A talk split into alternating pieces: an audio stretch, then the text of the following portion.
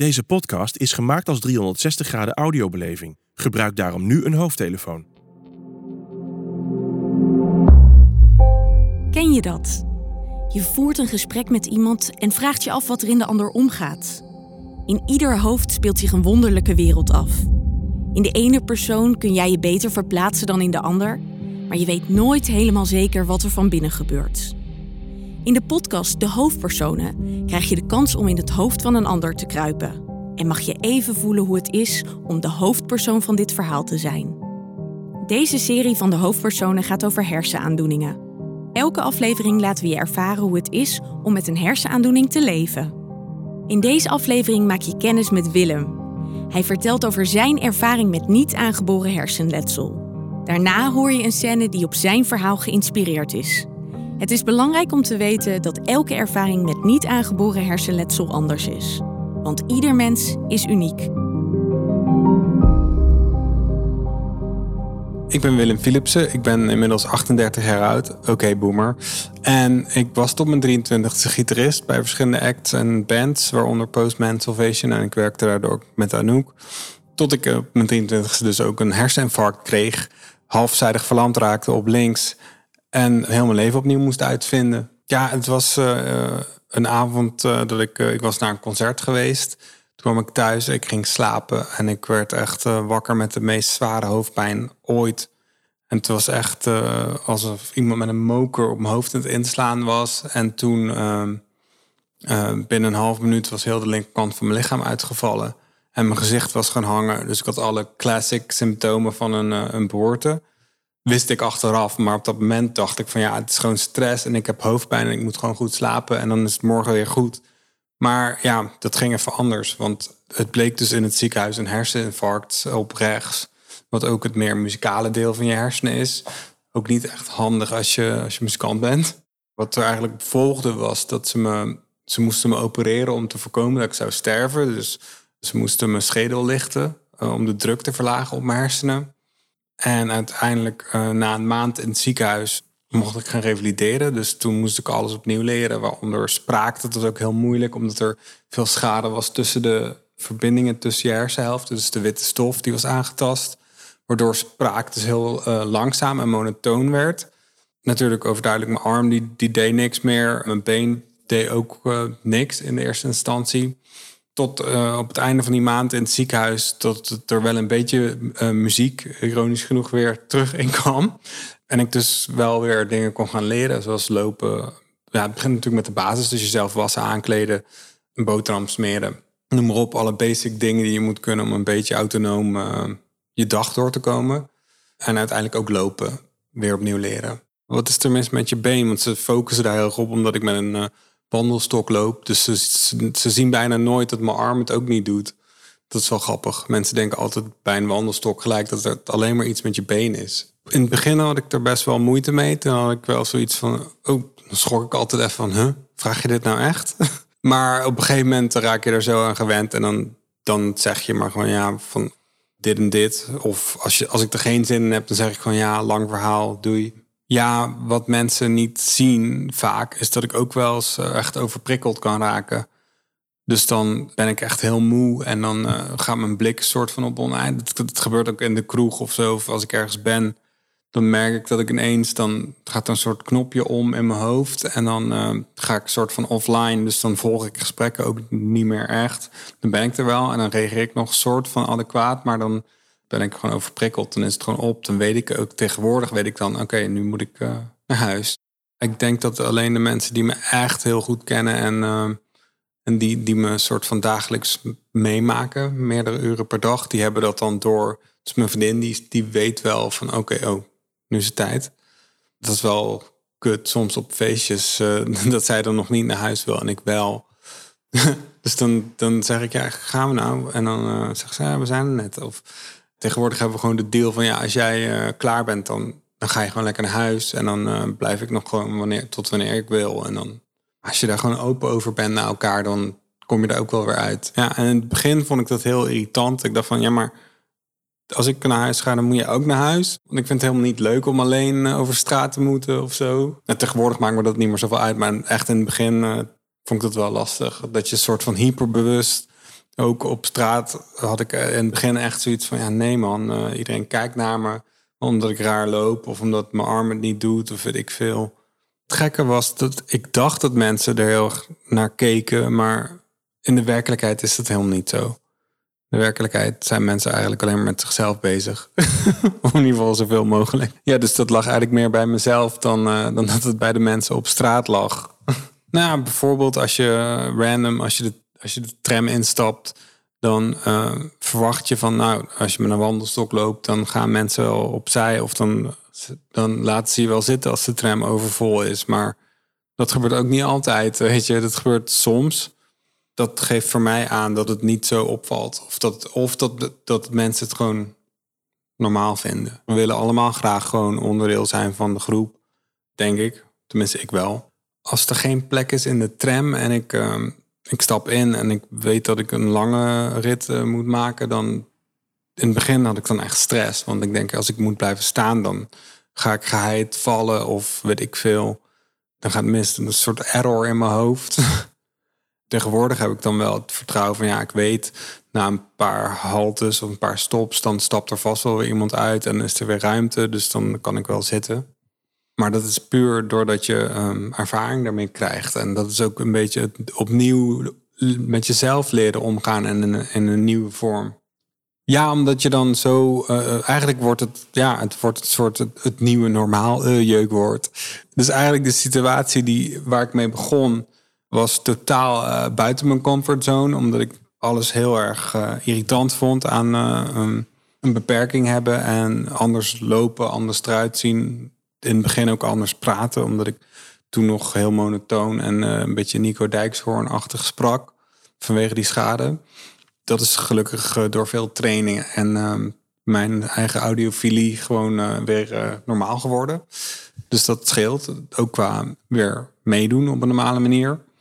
Maar ja, nu is dit soort van mijn, nieuwe comfortzone geworden. Dus, dus dan verandert het ook weer. Weet je. Dus het ontwikkelt soort van met je, met je mee in je proces. Bij het groezemoes in het restaurant, omdat mijn volume ook uh, in het begin nog veel zachter was. Omdat, ik daar uh, een beetje met mijn middenrif, dat is ook dan een beetje verlamd. Dus dan heb je gewoon minder volume.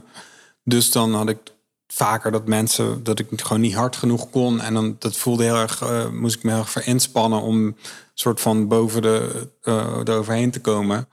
Ja, heb ik wel gehad. Het moment dat de serveerster gewoon niet kon verstaan van... nou, ik wil gewoon, uh, ik wil die pizza of ik wil dat gerecht... of die lasagne met truffel, trouwens favorite. Wat ik vaak terugkrijg van mensen die ook iets gelijksoortigs hebben meegemaakt... dus niet aangeboren hersenletsel oplopen... ze willen allemaal eigenlijk ook op zo'n manier met zichzelf bezig zijn. En het, het is gewoon heel lastig om om je weg terug te vinden. En ik, ja, het, het is heel cliché, maar het enige wat ik dan vaak terug kan geven is dat het echt, ja, toch weer een proces is. Maar en dat iedereen daar ook zijn eigen weg in moet vinden. Want wat voor mij werkt, dat hoeft niet per se voor Jan Kees te werken of welke random andere naam. En voor mij werkt heel erg dat ik heel veel dingen tegelijk wil doen en uh, moet doen om soort van getriggerd te blijven. Dat werkt voor mij goed, omdat ik dan juist aan blijf als ik te weinig om handen heb, dan, uh, dan verslap je of zo, voor mijn gevoel. Soms heb ik de, ja, de neiging om uh, mensen te lang aan te kijken. En dat kan soms, ook in een restaurant lijkt het dan net alsof ik iemand wenk. Maar dan wenk ik iemand helemaal niet. En kijk, zit ik gewoon te staren of zo, weet je wel. Dan kijk iemand net te lang aan. Als ik iets bestel wat moeilijk hanteerbaar is met één hand dan betekent dat dat iemand anders dat voor me moet snijden. Dat lukt niet altijd zelf en dat duurt dan eeuwen en dan is mijn eten alweer koud. Bijvoorbeeld eh, in mijn boek beschrijf ik dat ook. Dan zitten we ergens uh, pannenkoeken te eten en dan vraag ik aan mijn, mijn reisgenootje van kun je even mijn pannenkoek snijden? En dat doet hij dan. Waarop de serveerster het aansloeg en zegt: Oh my gosh, I've never seen a grown man get his pancakes cut before. Toen reageerde ik met, uh, ja, maar het is hier en hierom. En toen schaamde ze zich kapot. En toen ging ze zich nog tien keer in de tijd dat we er zaten... een soort van verontschuldigen. Oh, I'm so sorry, I didn't mean it like that. Ah. Dan vind ik het wel irritant. Ja, ik weet niet, je level of shame wordt ook soort van lager... naarmate je vaker dingen moet vragen. Scène die je nu gaat horen is voor mij heel herkenbaar. Mag ik alvast een koffie? Natuurlijk. Komt er zo aan. Of nee, eh, doe eigenlijk maar een Jack Daniels. Een dubbele espresso. Helemaal goed. Het is dat de truffellasagne hier zo lekker is, anders was ik thuis gebleven. Maar goed, eten in een restaurant is nog altijd minder erg dan optreden in een restaurant. Hoe heb ik dat al die maanden volgehouden? En dan nog pochen tegen mijn vrienden. Ik heb een vast contract in Kopenhagen. Ja, in een vreedschuur. Avond aan avond easy listening. Je wilt Jimi Hendrix worden, maar je eindigt met je gitaar tussen plastic tafeltjes vol lawaaiige gezinnen. Maar mijn chef gaf elke dag een goede recensie. Weet je wat het goede is aan jouw muziek? Je kunt er gewoon doorheen praten. Ja, ik mag dit niet denken. Maar artistiek gezien was het beter als ik dat herseninfarct jaren eerder had gehad. Natuurlijk had ik nog langer in deze shit gezeten, maar ik was nooit afgezakt tot muziek om doorheen te praten. Kijk jij nou naar haar of naar mij? Pardon? Naar wie kijk je? Sorry. Ik, ik zat wat te staren. Ja, naar haar. Excuses, echt. Dat heb ik soms als ik moe ben. Dan ga je lekker zitten loeren. Ach, vergeet die vent toch. Pap, gaat alles goed hier? Hey. Jawel. Ik zat weer eens voor me uit te staren. Nee, Laat ik maar zitten. Als je het een beetje aan ze uitlegt, dan snappen ze het heus wel, toch? Vergeet het. Echt? Ja, ja, ja, ja. Ga zitten. Ga zitten. Oké. Je bent moe, hè? Volgens mij ben ik niet de enige. Je moest dus weten. Oh, ik denk dat ik de verhalenknop heb ingedrukt. Pap, ik ga jou echt niet lastigvallen met mijn dag, hoor. Echt niet? Vanavond houden we het lekker bij koetjes en kalfjes. Perfect plan. Shit. Hoe kun je het over koetjes en kalfjes hebben als er een olifant in de kamer staat? Ehm, Wat? was het gewoon een slechte dag? Of een hele slechte dag? Ik heb het overleefd. Soms denk ik, waarom sta ik nog voor de klas? Morgen heb ik er vast weer zin in, hoor, maar vandaag... Ik probeer van alle kinderen te houden, echt. Maar wat als ze niet van jou houden? Eh, Rustig maar, rustig maar. Wat is er gebeurd? Ik stond even te hannissen met het digibord. Ik kreeg geen beeld.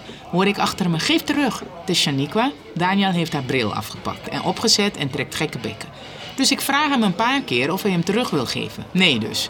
Nou, ik probeer het ding weer terug te pakken en, en daarna stompt hij me keihard in mijn buik. Wat? Pap, rustig maar. Ja, rustig maar. Zo, Eerst maar even koffie, toch? een espresso voor u. En wat kan ik voor u inschenken? Wacht, sorry. Is dit een dubbele? Uh, Had u een dubbele Ja, besteld? Een dubbele. Ja, een dubbele. Kunt u misschien een nieuwe... Weet u, haal gewoon een tweede espresso. Dat is samen een dubbele. Doe mij dan maar een cola light. Nog een espresso en een cola light. Wacht, jij wil zeker weer die truffellasagne? Daarom ben ik hier. Vandaag doe ik met je mee. Goed, twee keer de truffellasagne. Dat is makkelijk te onthouden. Een kind dat zijn juf stomt? Ach, het vuistje van een elfjarig kakjochie overleef ik wel, pap. Het gaat om het principe. Maar goed, ik moet me niet druk maken. Zeker Zijn niet. vader maakte zich wel druk. Zijn vader? Ja, later, vlak voor ik hierheen kwam. Na die stomp wilde ik die bril weer van Daniel afpakken. Maar ik liet me natuurlijk geen twee keer stompen. Dus ik greep hem stevig beet. Goed, misschien iets te stevig. En ik heb even met hem staan worstelen. Nou ja, ik had die bril snel genoeg terug. Shaniqua weer blij, maar Daniel niet. Toen papa hem later kwam halen, heeft hij een lulverhaal opgehangen. Geen woord over die bril natuurlijk, alleen over die gemene juf. Nou ja, papa kwam dus op hoge poten naar me toe. Ik heb heel erg geprobeerd om aardig te blijven. Dat is je hopelijk niet gelukt. Niet helemaal. Het was echt weer zo'n moment dat ik dacht, ik stop ermee. Hoe vaak gebeurt dit dan? Ja, en ik heb ze steeds vaker. Ik kan me het ergens wel voorstellen, maar je kunt je het verdomd goed voorstellen. Maar jij houdt van die kinderen. En zij van jou. Zelfs die Daniel. Houden van is soms zoveel werk. Maar je bent hiervoor geboren. Vroeger leerde je je buurmeisje al tot tien tellen. Precies. Misschien heb ik wel genoeg les gegeven. Misschien baal je gewoon even. Had ik vroeger ook wel eens. Wel eens? Weet je wat ik denk? Als ik dat infarct niet had gehad, dan zat ik nu echt niet hier hoor. Nee, dan stond ik ergens te spelen. Echt. Zelfs op het moment dat het helemaal misging, dacht ik. Vanavond sta ik weer op het podium, ook al heb ik een knallende koppijn. Knallende koppijn? Het was alsof iemand met een moker op je hersenpan inbeukte. Ik nam gewoon een handje paracetamol en een flinke slok Jack Daniels, omdat ik gewoon moest spelen. En dan zegt je lichaam keihard nee. Ik weet nog dat ik tijdens mijn revalidatie steeds dacht... Als ik alle gewone dingen opnieuw kan leren, jezelf aankleden, een boterham smeren, lopen, misschien, heel misschien, kan ik dan ook weer leren gitaar te spelen. Met een halfzijdige verlamming zeker. Er komt vast wel een moment dat ik het spelen minder zal missen. Maar goed, jij hebt een keuze om te stoppen. Als het plezier weg is, moet je daar misschien over nadenken. Ik, ik hoop alleen dat het geen zuur afscheid wordt. Nee, als ik ga stoppen, dan is dat juist om niet zuur te worden. Zuurder dan niks zal ze nooit worden. Shit. Ik heb mijn laatste noot gespeeld terwijl er geen hond luisterde. Geen hond. Ik wist verdomme niet eens dat het mijn laatste noot was. Stel dat ik het wel had geweten, misschien was ik dan wel wild gaan jammen, voluit. Zodat iedereen eindelijk opkeek van zijn bord. Ach, ja. Ze had het vast niet eens gemerkt. Die vent is echt dol op ons. Oh shit. Volgens mij ziet hij ons niet eens. Nou, hij kijkt toch? Luister eens, mijn vader heeft een zware herseninfarct gehad. Daarom kijkt hij soms wat voor zich uit. Zie je nou wel, die gast is gewoon een soort van ziek. Soort van ziek. Een espresso, cola light en natuurlijk twee keer de truffelspaghetti. Spaghetti? Lasagna? Ja, sorry, ik bedoel, wij bestelden de truffellasagna. Mijn vader heeft gelijk.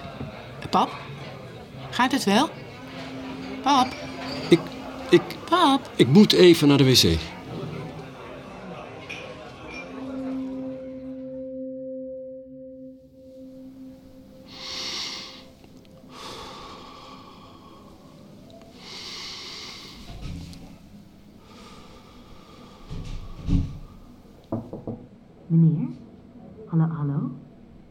Nee. Ga- gaat alles nog een beetje oké daar? Ja, ja, ja, ja. Helemaal prima. Eh, nou, dat is wel een opluchting hoor, want ik zag u hier naar binnen gaan. Ik dacht, die heeft vast een verhaal. Dat klopt toch, meneer? Nou. En toen u ook nog eens zo lang wegbleef, dacht ik, nou ja, toch eens polshoogte nemen op dat toilet. Want mensen, en vooral mensen met een verhaal, die, die, ja, hoe zeg je dat? Die doen soms van die onvoorspelbare dingen. Oh, kan ik mezelf niet doortrekken. Nou, nou, nou geeft u zelf aan dat het prima met u gaat, dat is fijn. En natuurlijk geloof ik u wel, maar ik kan me voorstellen dat u toch uw verhaal kwijt wil. Nee, Zij, of, eh, meneer? ik bedoel, Ja. nee, dank u. Zei ik nu echt dank u? Roep liever opdonderen. Ooit kon ik het. Ooit kon ik mensen laten verdwijnen. De hele wereld laten verdwijnen. Met alleen een gitaar. Gewoon op een krukje. Spelen. Niet eens hard. Hoorde geen kinderstemmen, geen deurbellen, geen alarm. Dat is veel te lang geleden. Zat ik daar en dan...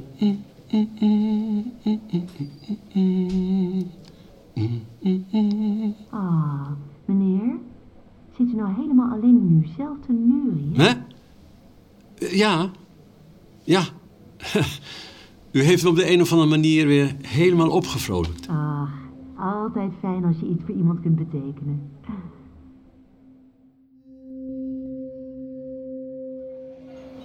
Zo, die glimlach heb ik al een tijdje niet meer gezien. Nee? Ik verheugde me op ons eten. Het duurt nog wel even. Ze haalt nu twee truffellasagnas voor ons. Eh, dan vragen we er twee doggybags bij. We gaan ze opeten op het krapste terras van de stad. En waar is dat? Op mijn balkon. Waarom ook niet? Dan draaien we wat oude muziek. Mijn oude muziek van een jaar of twintig geleden. Maar daar praten we niet doorheen. Nee, we luisteren gewoon even hoe vroeger klinkt. De Hoofdpersonen is een podcastserie van Collected Works. Deze serie, waarin hersenaandoeningen centraal staan, is in samenwerking met de Hersenstichting gemaakt en kwam tot stand met financiële steun van de Hersenstichting, Studentenwelzijnfonds en de Grafin van Bieland Stichting. Voor deze aflevering bedanken wij Willem voor het delen van zijn verhaal, scriptschrijver Mark Veerkamp en acteurs Manoushka Zegelaar-Breveld, Zoe Kroon, Ilse Warringa, Anneke Blok, Lisse Knapen en Ruurte Maaschalk. Wil je meer weten over de totstandkoming van de hoofdpersonen? Kijk dan op dehoofdpersonen.nl.